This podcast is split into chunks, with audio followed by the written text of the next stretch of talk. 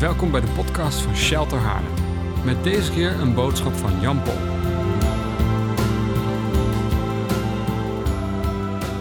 Vanavond Klaas. Ik moest eh, gelijk denken aan eh, mijn eerste ontmoeting met, eh, met Klaas. Klaas van Denderen, inmiddels een uh, jarenlange goede vriend al. En uh, dus denk ik een jaar of acht, negen geleden, ik weet niet precies. en Klaas wilde mij spreken. Ik, ik, ik, kende hem niet. En het was dus onze eerste ontmoeting. En het was een, was een leuk, was een mooi gesprek. En waarin hij veel over zichzelf vertelde. En halverwege zeg maar, die ontmoeting zei hij tegen me... Eigenlijk Jan, uh, kom ik met een doel. En hij zei, ik, ik, sta voor een geweldig dilemma. Ik heb het gevoel dat God iets van me vraagt om te doen. En ik wil graag uh, jouw mening wel even spiegelen bij je. Dus hij vertelde wat hij, wat hij meende dat God hem gevraagd had om te doen.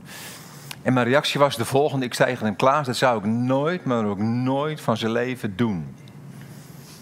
En toen zei ik erachteraan, maar ik ben Jan en jij bent Klaas. En ik geloof dat God zegt dat jij het wel moet doen.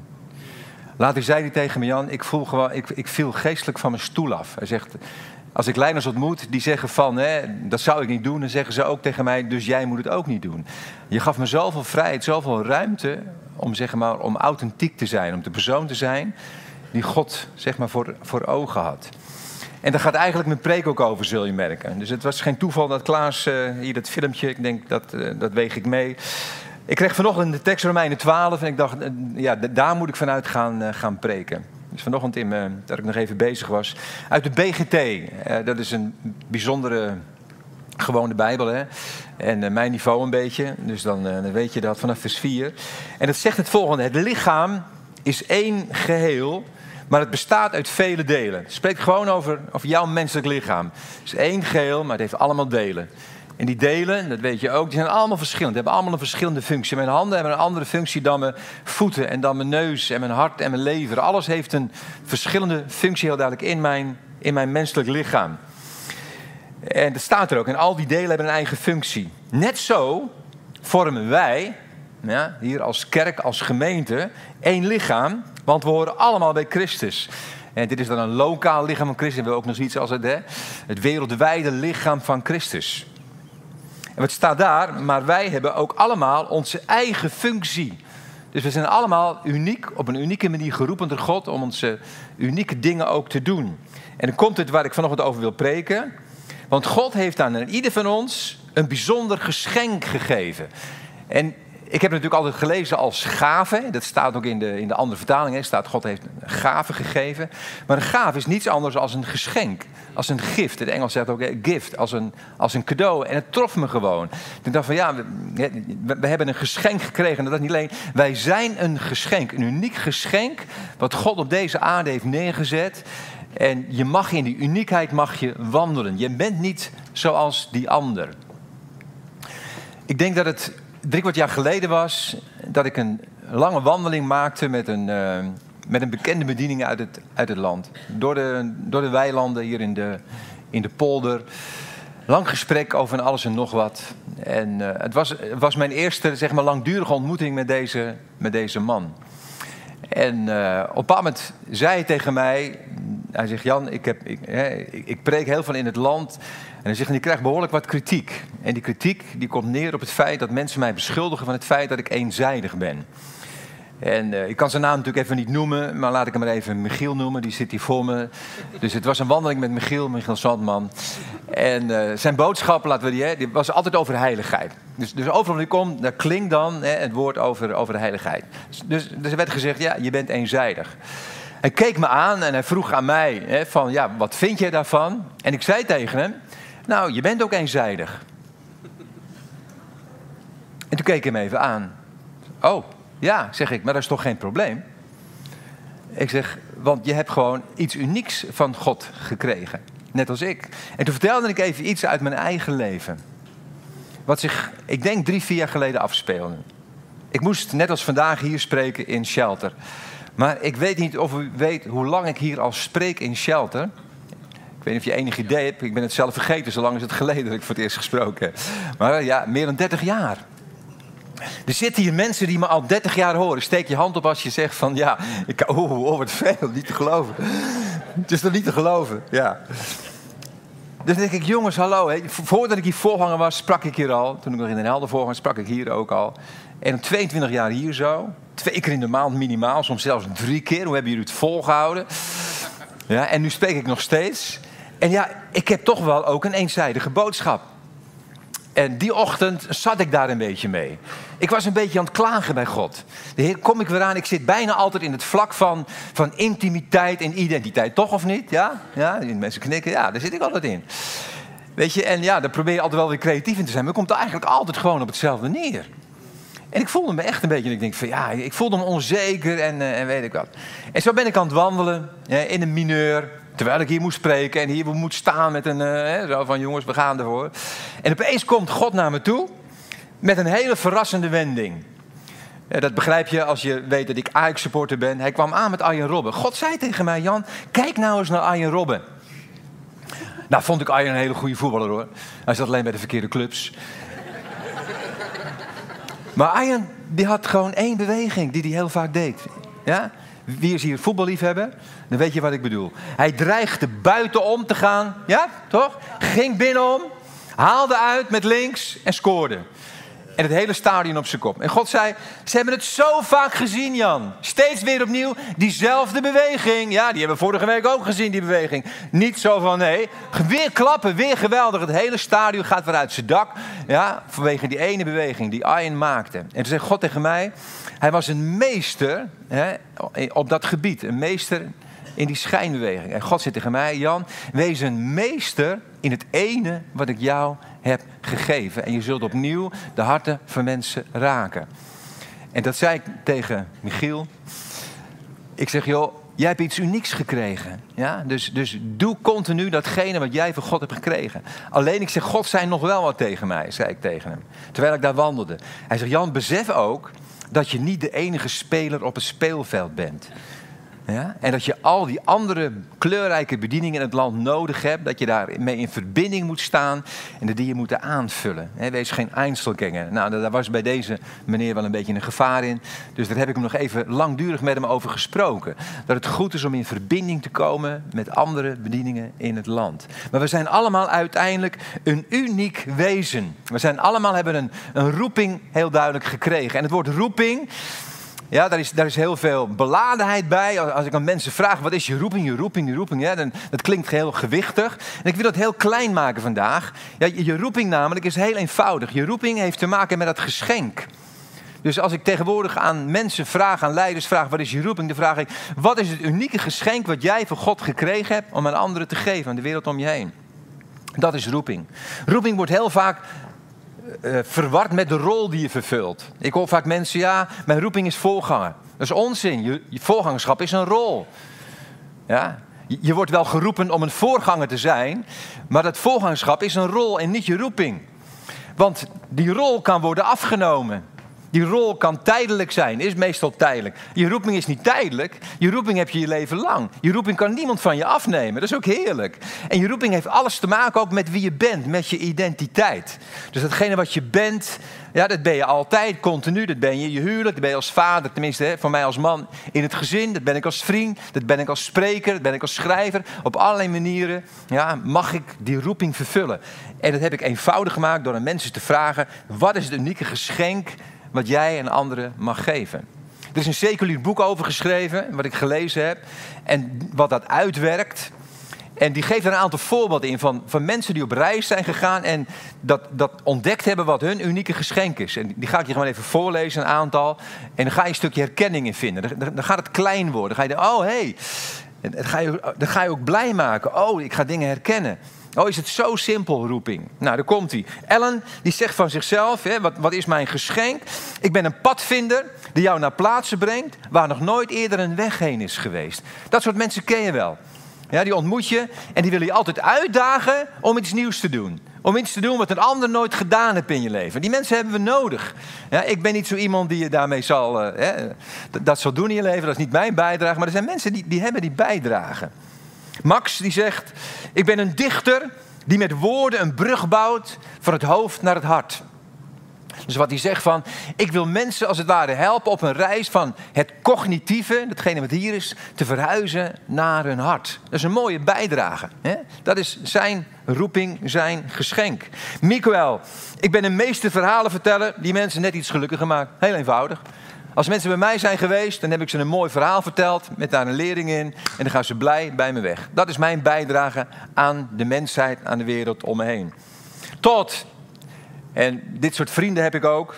En je, je gaat ze gelijk namen voor je zien als ik dit voorlees. Ik wil anderen inspireren om geen grenzen te kennen, gedurfde acties te ondernemen en grootse dingen te bereiken. Ken je ze?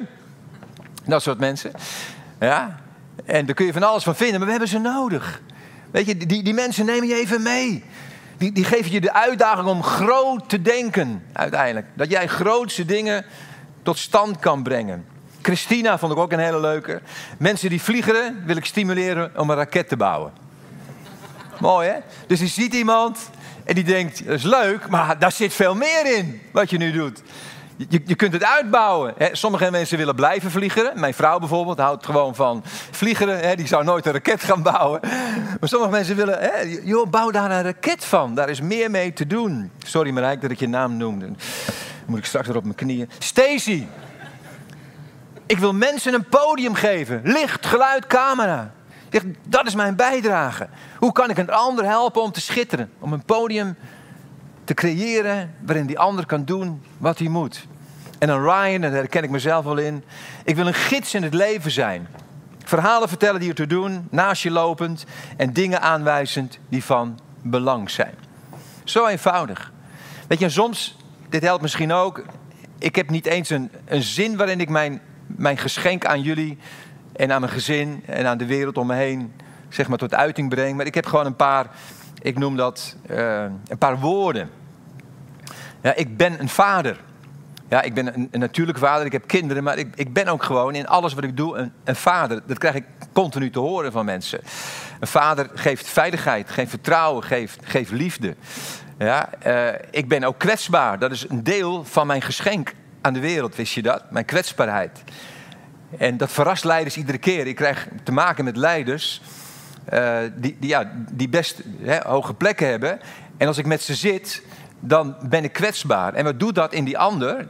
Op die manier lever ik een bijdrage. Dat maakt iets los bij die ander, waardoor die ander ook zijn kwetsbaarheid durft te uiten. En zijn zwakte aan mij durft te laten zien, waardoor mensen heel open worden. En ik ben een kompas, zeg ik altijd. ik, ben, ik ben geen, uh, noem dat, verkeersbord die zegt richting aangeven, je moet die kant uit. Dat heb je ook nodig. We hebben borden nodig die ons richting geven, maar dat is niet wat ik doe in levens. Ik ben een kompas. Ik help mensen helder te krijgen waar het noorden, het zuiden, het oosten en het westen is. En dan zeg ik, nu moet je zelf kiezen welke weg je kiest. Maar ik help je helder te maken. En zo hebben we allemaal een uniek geschenk van God gekregen. Waarin we een bijdrage mogen leveren aan andere mensen. Is dat niet mooi? En dat is heel klein. Dat hoeft niet groots te zijn. Maar het kan wel ongelooflijk belangrijk zijn. Nou, om dat unieke geschenk, te zijn, moet je uiteindelijk ook vanuit je uniekheid gaan leven. Want het heeft alles te maken opnieuw met wie je bent. Dus je, je doet uiteindelijk wat je bent. Dat is de bedoeling. Je bent iets, vanuit wat je bent ga je uiteindelijk dingen doen in je leven. Dus je moet goed weten wie je bent. En daar ga ik een aantal dingen, dit was allemaal inleiding, ga ik een aantal dingen over delen. Psalm 139. We hebben met elkaar een opdracht van een aantal kinderen gezien. En Psalm 139 spreekt erover, vers 13. Daar zegt David, u was het die mijn nieren vormde. Daar begint hij mee. Ik weet nog goed dat de eerste keer dat ik het las, dat ik dacht van, nou, lekker boeiend. Ja, u was het die mijn nieren vormde. Waarom staat er niet, u was het die mijn lever vormde? Of mijn pink, of mijn longen. waarom nieren? Nou, toen ging ik het onderzoeken. Je nieren, het Engels zegt mooi, that is your innermost being. Voor de Hebreeën, voor de Jood, zijn je nieren, is datgene wat je werkelijk bent, diep van binnen. Je eigenheid is dat. Dus, dus u was het die mij helemaal mijn eigen, mijn authenticiteit vormde.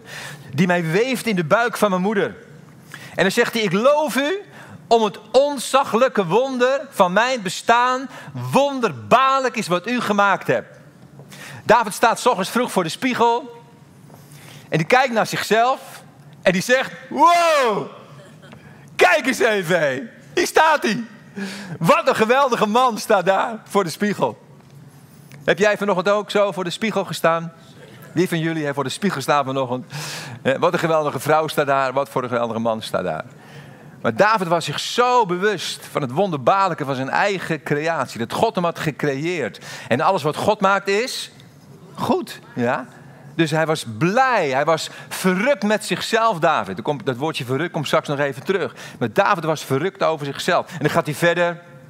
Hij zegt, ik weet dat tot in het diepst van mijn ziel. Hè, dat, dat ik dus gewoon ontzaglijk mooi ben. Dat is wat ik ben. Ik weet dat diep in mijn ziel. Toen ik in het verborgene gemaakt werd, kunstig geweven in de schoot van de aarde, was mijn wezen voor u geen geheim. Uw ogen zagen mijn vormeloos begin. Alles werd in uw boekrol opgetekend. Aan de dagen van mijn bestaan ontbrak er niet één. Ik heb de message-vertaling nog even opgezocht. Die is altijd heel mooi. En die zegt dit prachtig. Eugene Petersen heeft het als volgt vertaald. U kent mij van binnen en van buiten.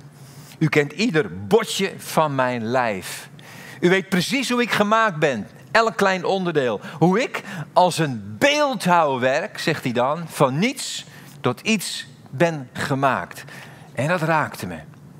Ik denk dat Eugène Petersen het goed begrepen heeft wat David daar bedoelt. Dat we een beeldhouwwerk zijn.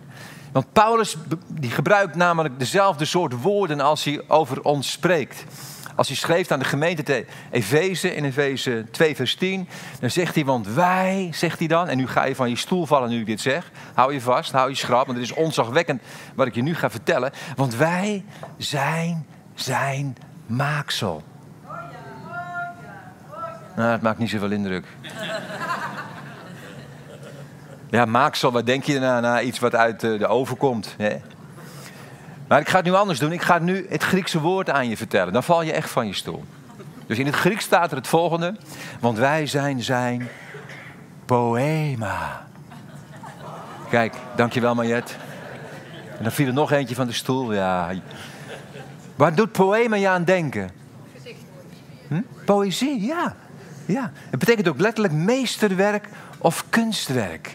Dus Paulus zegt die wij zijn zijn meesterwerk. Wauw. Zeg het maar even tegen je buurman, je buurvrouw. Jij bent Gods meesterwerk.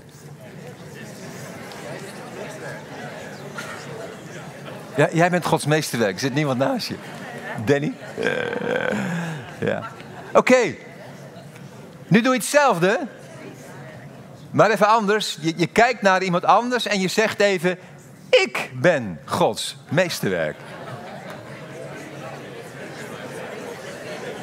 Ja, ja.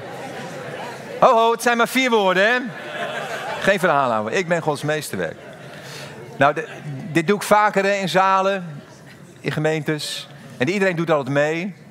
En toch is het zo dat heel velen van jullie dit niet echt geloven.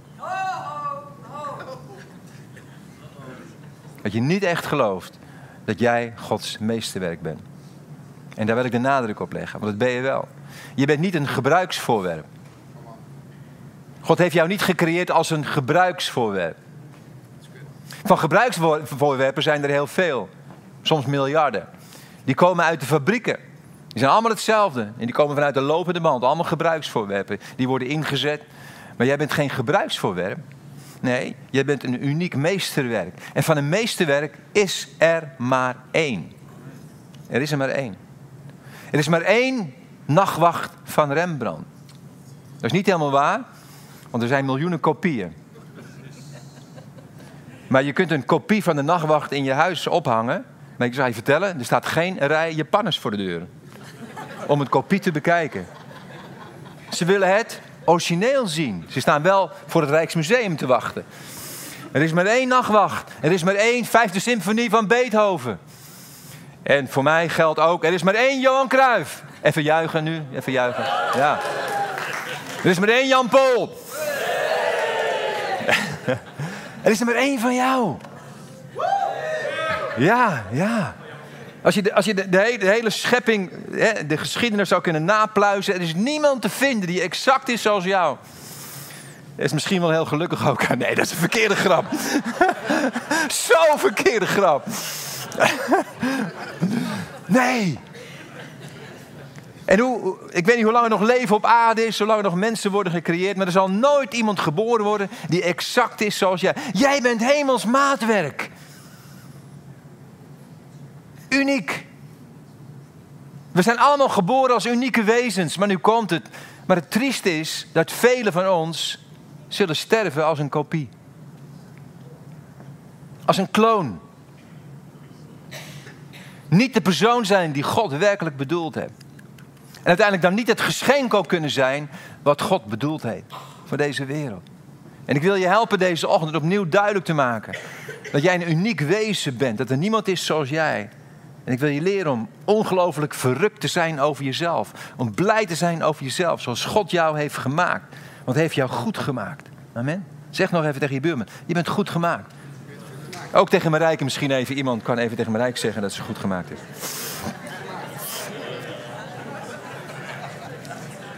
Marijke, je bent fantastisch gemaakt. Steve Jobs, wie kent Steve Jobs? De, ja, van Apple, hè? Hij leeft niet meer. Maar die zei iets heel moois. Steve Jobs zei: Je tijd is beperkt. Verspil die niet door het leven van iemand anders te leven. Laat je eigen innerlijke stem niet verdrinken in de ruis van andermans meningen. Wauw, ik vind hem zo mooi. Nog een keertje. Je tijd is beperkt. Verspil die niet door het leven van iemand anders te leven. Laat je innerlijke stem niet verdrinken in de ruis van andermans meningen. Weet jij wie je bent? Ben je authentiek? Het woordje authentiek, dat klinkt vaak, maar ik weet niet, weet je wat het betekent, het woord authentiek? Dat betekent oorspronkelijk, uit de eerste hand. Niet een kopie. Het is oorspronkelijk uit de eerste hand. En God heeft ons geroepen om authentiek te zijn. Authentieke wezens. En iemand die authentiek is, die durft voor de dag te komen. Die durft helemaal zichzelf te zijn. Die durft ook trots te zijn, op een goede manier, over de mooie dingen die hij heeft gekregen. Dus, dus ik bijvoorbeeld, ik ben ongelooflijk handig dat u het even weet. Ik bedoel, als je iets gerepareerd wil hebben, bel mij en ik maak het voor je. Ik ben zo handig. Ik kan heel goed koken, daar kan ik ook in roemen. Ik kan geweldig kan ik koken. Nee, die dingen kan ik trouwens allemaal niet. Ik sta bekend als iemand die ongelooflijk onhandig is. En daar ben ik blij mee. Ja, echt waar. Ik ben zo blij dat ik onhandig ben. Ik word nooit opgeroepen voor klussen. Dus het heeft allemaal voordelen, die dingen die je niet kunt, joh. Is gewoon heerlijk. Ja? Maar iemand die authentiek is die, is, die is blij met zichzelf. En die heeft de moed om zichzelf helemaal te laten zien. Dat betekent niet dat je in elke situatie je op dezelfde manier gedraagt. Ik hoop ook dat je dat begrijpt. Ik denk dat als ik uitgenodigd word bij koning Willem-Alexander... dat ik me wat anders gedraag als dat ik me hier gedraag. Denk je ook niet? Maar ik, ik weet zeker, zo zeker ben ik van mezelf, dat Willem-Alexander echt Jan Paul gaat ontmoeten. Echt waar. Ik spreek in allerlei kerken en ik moet me hier en daar even aanpassen. Maar ze krijgen Jan Paul hoor. Ja? Maar ik, ik, ik gedraag me niet overal hetzelfde. Ik ben thuis, echt waar. Ik ben thuis, gedraag ik me anders dan hier. Echt waar. En daar moet je blij mee zijn. Want als ik nu thuis zou zijn, ik zou me gedragen als dan zou ik nu gewoon een dikke vette wind kunnen laten. Dat doe ik niet. Ja? En dus als je wat ruikt, is het me rijken en ben ik het niet.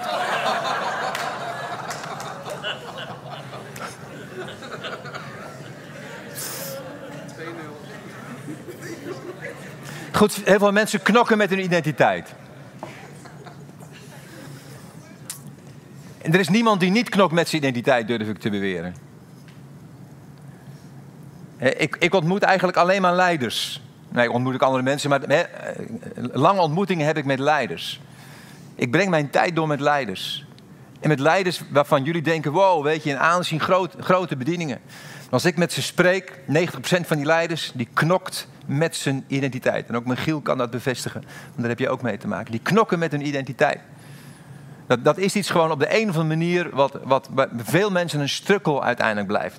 Daar werd de Jezus ook als eerste op aangevallen in de woestijn, op zijn identiteit omdat de boze weet hoe belangrijk onze identiteit is. Want als we onze identiteit kennen, dan weten we ook welk geschenk we mogen zijn. En dan komen we hier op aarde tot ons doel. En dat wil de duivel niet. Hij zal altijd proberen om onze identiteit aan te vallen.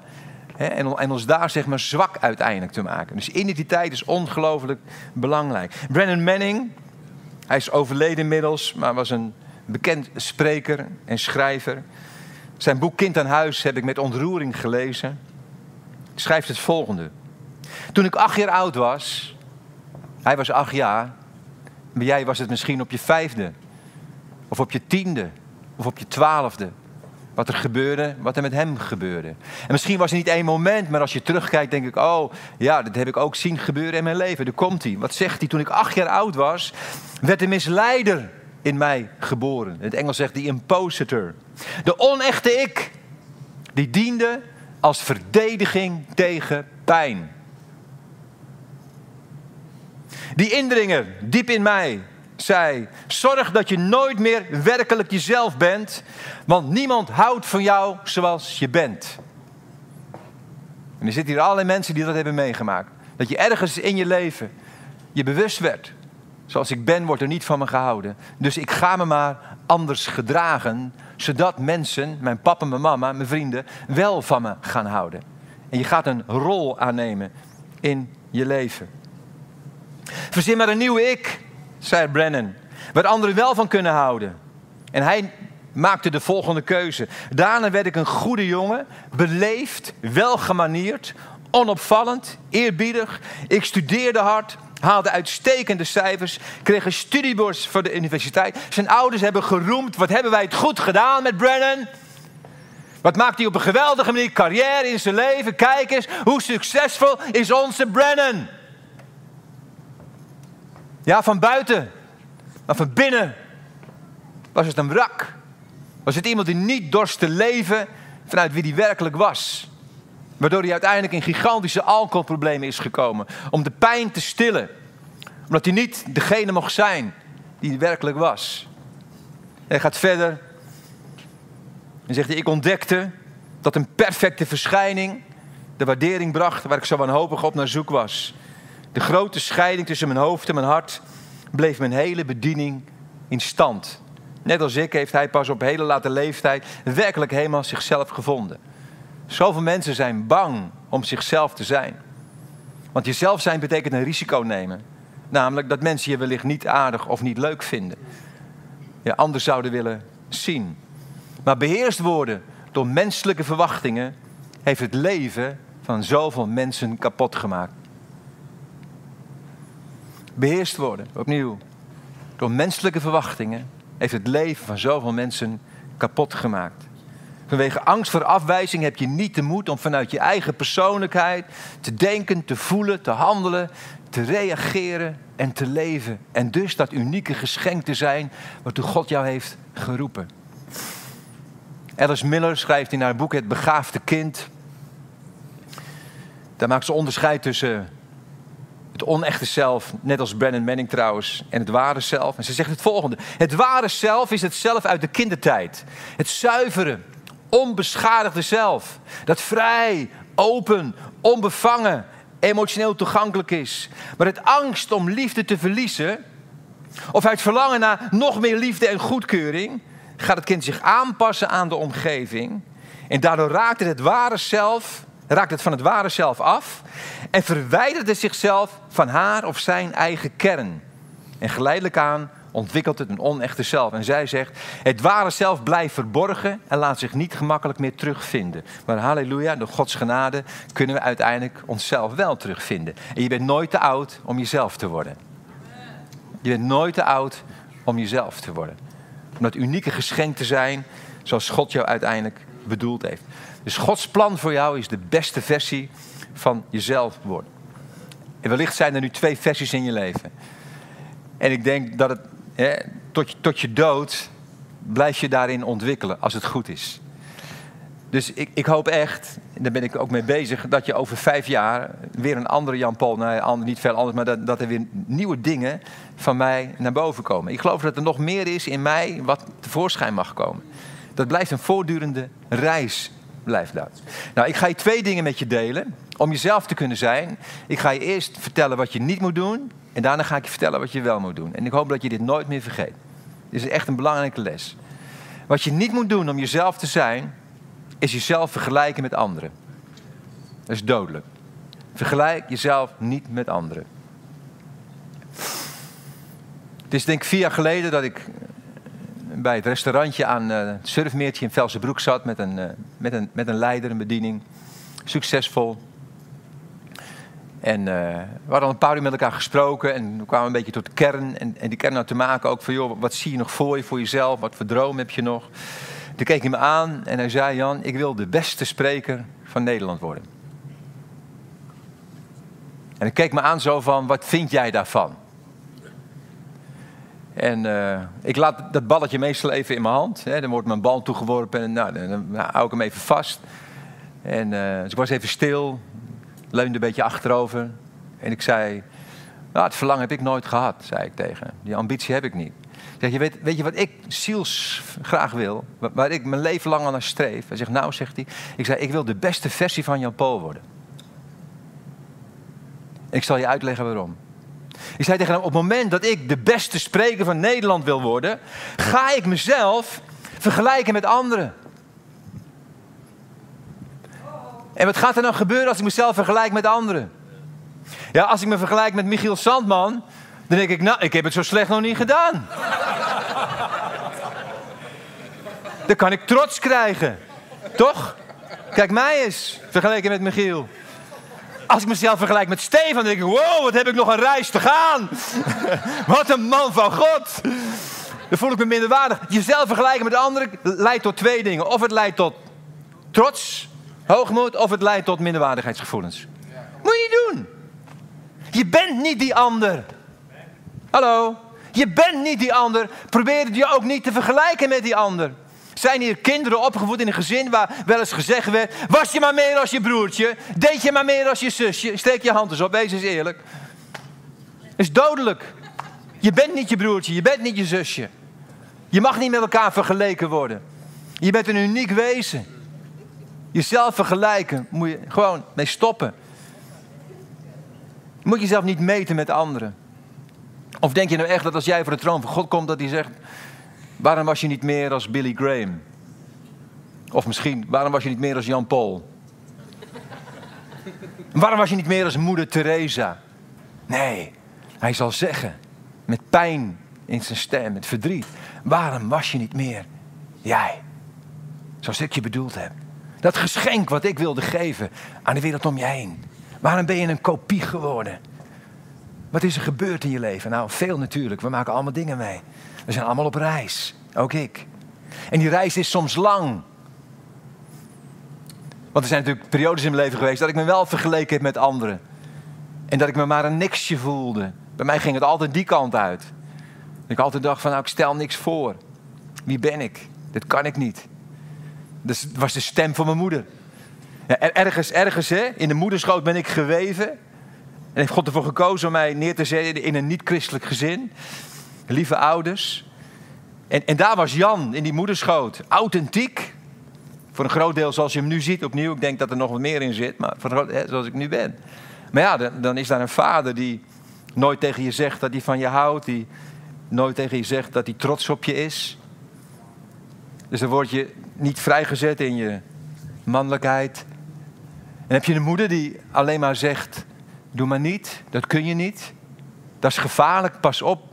En altijd Jantje. Toen ik getrouwd was en vier kinderen had, noemden ze hem nog steeds Jantje. Altijd het verkleinwoordje, altijd klein houden. Dat deed ze natuurlijk niet bewust. Wat krijg je dan? Een heel onzeker jongetje. Een jongetje die maar één ding wilde, zijn moeder behagen. Ik werd een geweldige people pleaser al op jonge leeftijd.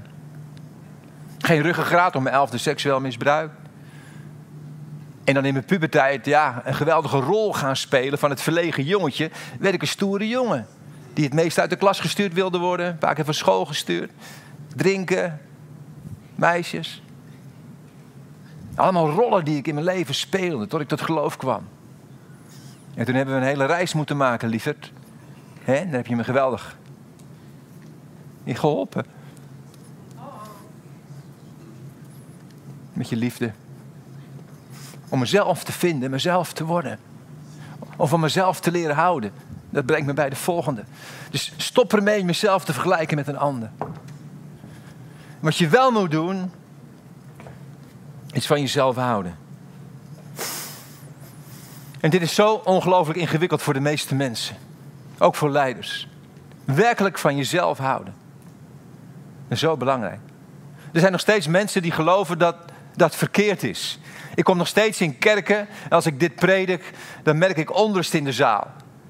Ze hebben geleerd, nee, dat je jezelf moet kruisigen. Ja? En als je van jezelf houdt, dan word je een egoïst. Maar je moet jezelf niet kruisigen. Je moet je vlees kruisigen. Dat is wat anders dan jezelf. Je authentieke persoonlijkheid, zoals God je heeft gemaakt. Die moet juist tevoorschijn komen. Daar moet je blij mee zijn. Daar mag je trots op zijn. Daar moet je van houden. Over dat unieke wat God jou heeft gegeven. Zo belangrijk. Weet je, misschien is dit schokkend wat ik tegen je zeg. En geloof je het niet, maar ik ga het uitleggen. Je wordt niet een egoïst als je van jezelf houdt. Je wordt juist een egoïst als je niet van jezelf houdt. Mensen die niet van zichzelf houden, dat worden grote egoïsten. Maar als je niet van jezelf houdt, dan heb je anderen nodig om jou te bevestigen. Dan heb je anderen nodig om jou waarde te geven. Dan word je je leven lang een nemer, continu. Twee mensen die met elkaar trouwen, en dat heb ik vaak in mijn leven gezien. Alle twee houden ze niet van zichzelf. Joh, je huwelijk wordt ongelooflijk ingewikkeld hoor. Want je zuigt elkaar alle twee leeg emotioneel.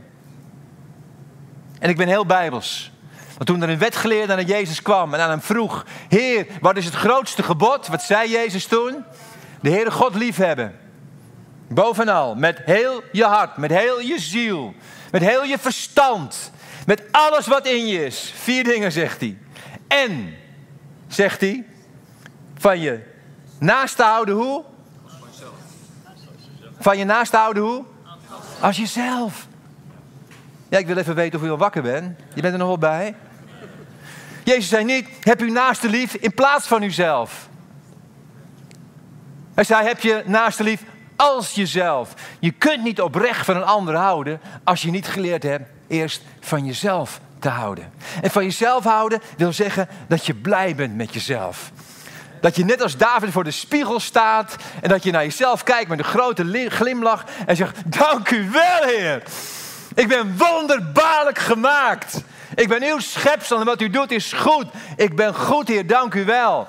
Kan je zo voor de spiegel staan? Sinds een aantal jaren kan ik zeggen, ja, het is even gewaagd hoor, maar ik zeg het toch. Ik ben verrukt over mezelf. Ja, weet je waarom? Omdat God verrukt is over mij. Wie ben ik om hem tegen te spreken? Hij is verrukt over mij. En ook over jou. Het is zo belangrijk om dat te beseffen. Tevreden zijn, blij zijn met jezelf. Wat, wat, wat doet het bij God als jij continu hier rondloopt met een ontevredenheid? Dat jij zegt, ik ben niet blij met mijn lichaam. Ik had een ander lichaam willen hebben. Ik had andere vormen willen hebben. Ik had een ander karakter willen hebben. Ik had andere talenten en gaven willen hebben. Weet je wat je zegt tegen God? U heeft het niet goed gedaan. Dat is wat je zegt. Je zegt als schepsel tegen de schepper, u heeft het niet goed gedaan. Ik had anders willen zijn. Nee, God heeft je gemaakt zoals je bent. Punt. En je bent door de omstandigheden in het leven, net als ik, vaak in verwarring gekomen en er is een andere persoon uitgekomen. En God wil je meenemen op reis om uiteindelijk te ontdekken wie je werkelijk bent. En die authentieke persoon te laten zien aan de mensen om je heen. Dat geschenk te zijn zoals God je uiteindelijk heeft bedoeld. Maar opnieuw, dan moet je van jezelf leren houden. En van jezelf houden is, ja, tevreden zijn met jezelf. Blij zijn met jezelf. Met je mooie dingen en ook met je eigenaardigheden. Daar hebben anderen vaak wel moeite mee, maar dat is hun probleem. Maar je moet van jezelf leren houden. Nou, en dan komen we bij de volgende trap. Dus nog één. Heb, je, heb je nog even? Is de spanningsbogen nog? Je kunt alleen maar van jezelf houden als er iemand in je leven is die onvoorwaardelijk van jou houdt. En er is geen mens. En Marijke houdt zielsveel van mij, echt waar. En ik hou zielsveel van haar. Maar we houden niet onvoorwaardelijk van elkaar. Dat proberen we wel, maar we struikelen.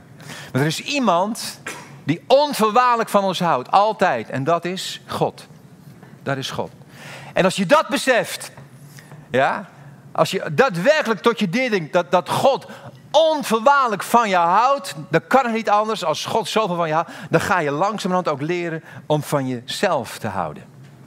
Ik wil vragen of je wil gaan staan. God houdt ontzaglijk veel van je. Ik zeg altijd, en dat heb je misschien wel eens meer van me gehoord. God, liefde, Gods liefde, goed luisteren, Gods liefde kun jij niet thermostatisch beïnvloeden. Je kunt Gods liefde niet harder of zachter zetten. Jouw gedrag doet niets met de liefde van God voor jou. Als je geweldige dingen voor God doet, dan wordt zijn liefde echt niet meer. Als je diep in zonde verstrikt bent geraakt, Gods liefde voor jou verandert niet. Zijn liefde is namelijk constante, want die is onvoorwaardelijk. Hij houdt van je, punt. Daar heeft Wilke van de Kamp kort geleden een prachtig boek over geschreven. God is liefde, punt, heet het boek. En niet een komma, maar. Nee, God houdt van je. En alles wat hij doet, doet hij vanuit die liefde. Hij houdt niet van jou vanwege jouw goedheid en vriendelijkheid en weet ik wat. Nee, vanwege zijn goedheid en vriendelijkheid. Zijn liefde blijft daar altijd. En ik was hier vanochtend over aan het mediteren, aan tafel, met mijn bijbeltje. En toen heb ik dit opgeschreven. Ik raakte ontroerd bij de gedachte, opnieuw, dat God zoveel van me houdt. En toen heb ik deze woorden opgeschreven. Dik gedrukt heb ik ze hier staan. Wow, heb ik neergezet. Die heilige God. Die God die zoveel mensen in de Bijbel doet beven. Die God die Jezaja doet uitroepen, wee mij. De God die Daniel doet bezwijken. De God die Johannes beschrijft in het eerste hoofdstuk van de openbaring. Johannes ziet ogen die vlammen en dwars door hem heen kijken. Ik heb het opnieuw gelezen vanochtend. Niets is voor God verborgen. Johannes ziet uit zijn mond een tweesnijdend zwaard komen. Uit de mond van koning Jezus komen vlijmscherpe woorden hoor. En die woorden dringen diep door in elk mensenleven. Brengen scheiding tussen leugen en waarheid in je hart. Ze ontmaskeren elke vorm van onoprechtheid. Die God, die alles van me weet, die houdt even goed van mij. Man. Wat ik ook flik, wat ik ook uitspook. Betekent dat Jan dat God nooit boos op je is? Nee, dat zeg ik niet. God is wel eens boos op je hoor. Het tegenovergestelde van liefde is niet boosheid. Het tegenovergestelde van liefde is onverschilligheid. Als God onverschillig zou zijn, zou hij nooit boos zijn. Maar God is niet onverschillig, God is liefde. En vanwege zijn liefde kan hij ook boos op ons worden. Zijn boosheid is altijd gebaseerd op zijn liefde. God is boos op onrecht. God is boos als jouw onrecht wordt aangedaan. Toch? En als je zelf onrecht aandoet. Maar zijn boosheid zegt ergens in Psalm 60, duurt maar een ogenblik. Maar zijn liefde duurt tot in eeuwigheid. Ja, God houdt van je. Hij houdt zelfs van je als je zwaar gezondigd hebt. Sluit je ogen een moment. Het onweerlegbare bewijs van zijn liefde heeft Jezus laten zien op Golgotha. Aan het kruis. Wat we vorige week gevierd hebben. Die gebeurtenis heeft voor jou en mij de deur geopend om blijvend voor altijd geliefd te zijn door de Vader. Niets, van zijn kant uit, niets kan ons scheiden van de liefde van Christus. Niets. En jouw identiteit mag rusten op die oneindige liefde tederheid die God in Christus aan ons heeft geopenbaard. En als je identiteit geworteld is in die liefde, dan zul je nooit meer twijfelen daaraan. Dan zul je nooit meer in de verleiding komen om je waarde ergens anders vandaan te halen. Buiten jezelf. Want die dingen buiten jezelf kunnen veranderen. Je carrière kan veranderen, kan kapot gaan. Je relatie kan stuk gaan. Er kan alles gebeuren. Maar Gods liefde zal altijd blijven. En ik ga wat doen. We gaan zo meteen ook naar een mooi nummer luisteren. Maar ik, ik ervaar gewoon dat ik het nu al gewoon moet doen. Ik ga profetisch wat doen. Lazarus is op een bepaald moment in een graf, is gestorven, is dood. Grote steen ervoor. Hij is dood. En dan komt Jezus aan en die zegt, haal die steen weg. En dan zegt hij, Lazarus, kom tevoorschijn. En Lazarus komt weer tevoorschijn. Wel een beetje vreemd, hè? Hij komt er uh, springend uit, want hij was helemaal ingewikkeld. Dus je zag niks van hem. Helemaal in zwachtels. En dan zegt Jezus tegen mensen om hem heen, ontwikkel hem. Dus moet je je voorstellen, die wikkels gaan eraf en steeds meer van Lazarus werd zichtbaar. Langzamerhand. Steeds meer was er van hem te zien. En wat ik zo meteen ga doen is profetisch als het ware naar voren roepen. Dat kind in jou wat ergens is gestorven. Dat kind in jou, die versie die God bedoeld heeft, wat ergens is weggedrukt. Wat onder het stof zit, die ga ik tevoorschijn roepen. En ik heb niet de illusie dat je in één keer helemaal ontwikkeld bent. Dat is een proces. Maar ik geloof wel dat er profetisch wat gebeurt. Dat God je tevoorschijn gaat roepen. En ik, in de aanbidding heb ik er nog een, uh, uit Hooglied iets bijgepakt. Zometeen ga je het begrijpen. Zegt, zegt, de bruidegom zegt tegen de bruid, en die bruid zijn we allemaal, ook mannen, je bent nu even bruid. Sta op, vriendin, zegt hij tegen zijn bruid. Mooi meisje, kom. Mijn duif in de rotskloof, verscholen in de bergwand. Je hebt je verstopt, omdat je denkt dat je er niet mag zijn, de persoon die je bent. Laat me je gezicht zien. Laat me luisteren naar je stem, want je stem is zo liefelijk, je gezicht zo bekoorlijk. Sluit maar je ogen. Vader, we willen zo bijkomen. En ik bid echt, Heer, dat er in de geestelijke wereld wat gebeurt, Heer. Dat daar, Heer, waarin vrouwen, het kleine meisje is weggestopt en misschien zelfs gestorven is. Heer, daar waarin mannen, Heer, die kleine jongen, zoals u het bedoeld had, Heer, die, die onbevangen jongen, die weggedrukt is, Heer, en niet mocht zijn. En ik bid echt, Heer, dat mensen de moed zullen hebben vandaag, Heer, om eruit te stappen. En ik bid, Heer, geef mijn woorden ook geestelijke kracht en autoriteit, Heer, opdat hetgene zal gebeuren. En ik wil ook tot je spreken op dit moment. Tegen dat jongetje, tegen dat meisje. Kom maar tevoorschijn. Kom maar tevoorschijn. Kom maar. Je hoeft niet bang te zijn. Kom maar. Kom maar. Je hoeft je niet te schamen voor mij. Ik hou van je. Zoals je bent. Kom maar. Je hoeft je niet langer te verstoppen. Je hoeft jezelf niet langer weg te drukken. Je mag er zijn. Kom maar, meisje. Kom maar. En dans maar voor mijn aangezicht. Onbevangen. Wees maar helemaal het meisje wat je mag zijn. In je onbevangenheid. Kom maar, jongetje. Op je fietsje met je wapperende haren. Of toen je in bomen klimt, toen je zo jezelf was. Dat jongetje mag je opnieuw zijn. Dat mag opnieuw tevoorschijn komen. Om op reis te gaan met mij. En zal ik je verder ontwikkelen, maar kom maar tevoorschijn. Neem het besluit om tevoorschijn te komen en je niet langer te verstoppen. Heilige Geest wilt er zo komen en mensen de moed geven, om vanaf vandaag die persoon te worden zoals u ze had bedoeld. Om niet langer te luisteren naar de leugen, Heer, maar de waarheid. Dat ze geliefd zijn en mogen zijn wie ze zijn. Dat bid ik zo in Jezus' naam. Amen. Dank voor het luisteren naar onze wekelijkse podcast. De missie van Shelter is Gods Koninkrijk zichtbaar maken in onze wereld. Wil je onze gemeente financieel ondersteunen in deze missie? Ga dan naar www.shelter-haarlem.nl geven.